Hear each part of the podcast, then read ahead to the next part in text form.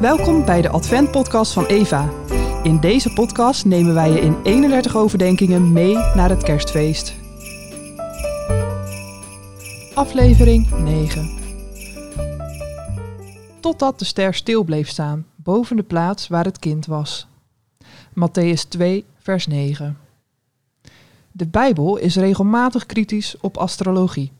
Veel mensen dachten toen namelijk dat de sterren de goden zelf waren. Maar er is één God. Toch, als Jezus wordt geboren, gebruikt deze ene God diezelfde astrologie om een internationaal geboortekaartje te sturen en de eerste kraamcadeautjes te regelen. Grappig toch?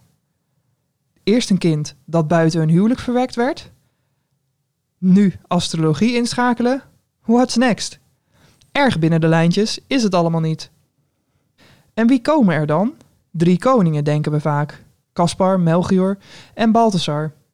Hmm, die namen staan nergens. Hoeveel het er waren ook niet. En hun beroep? Magiërs staat er. Een breed woord waarbij je kunt denken aan elitaire wetenschappers, maar evengoed aan van die morsige kermisafzetters. We weten het niet. Maar het signaal is vanaf het eerste moment duidelijk. God is groter dan je denkt. God laat zich niet wegstoppen in de vrome schilderijen. Toch fijn. Want hoe vaak lijkt jouw dag op een vroom schilderij? Wil je blijven genieten van podcasts zoals deze? Ga dan naar eva.eo.nl/slash abonnee en steun ons.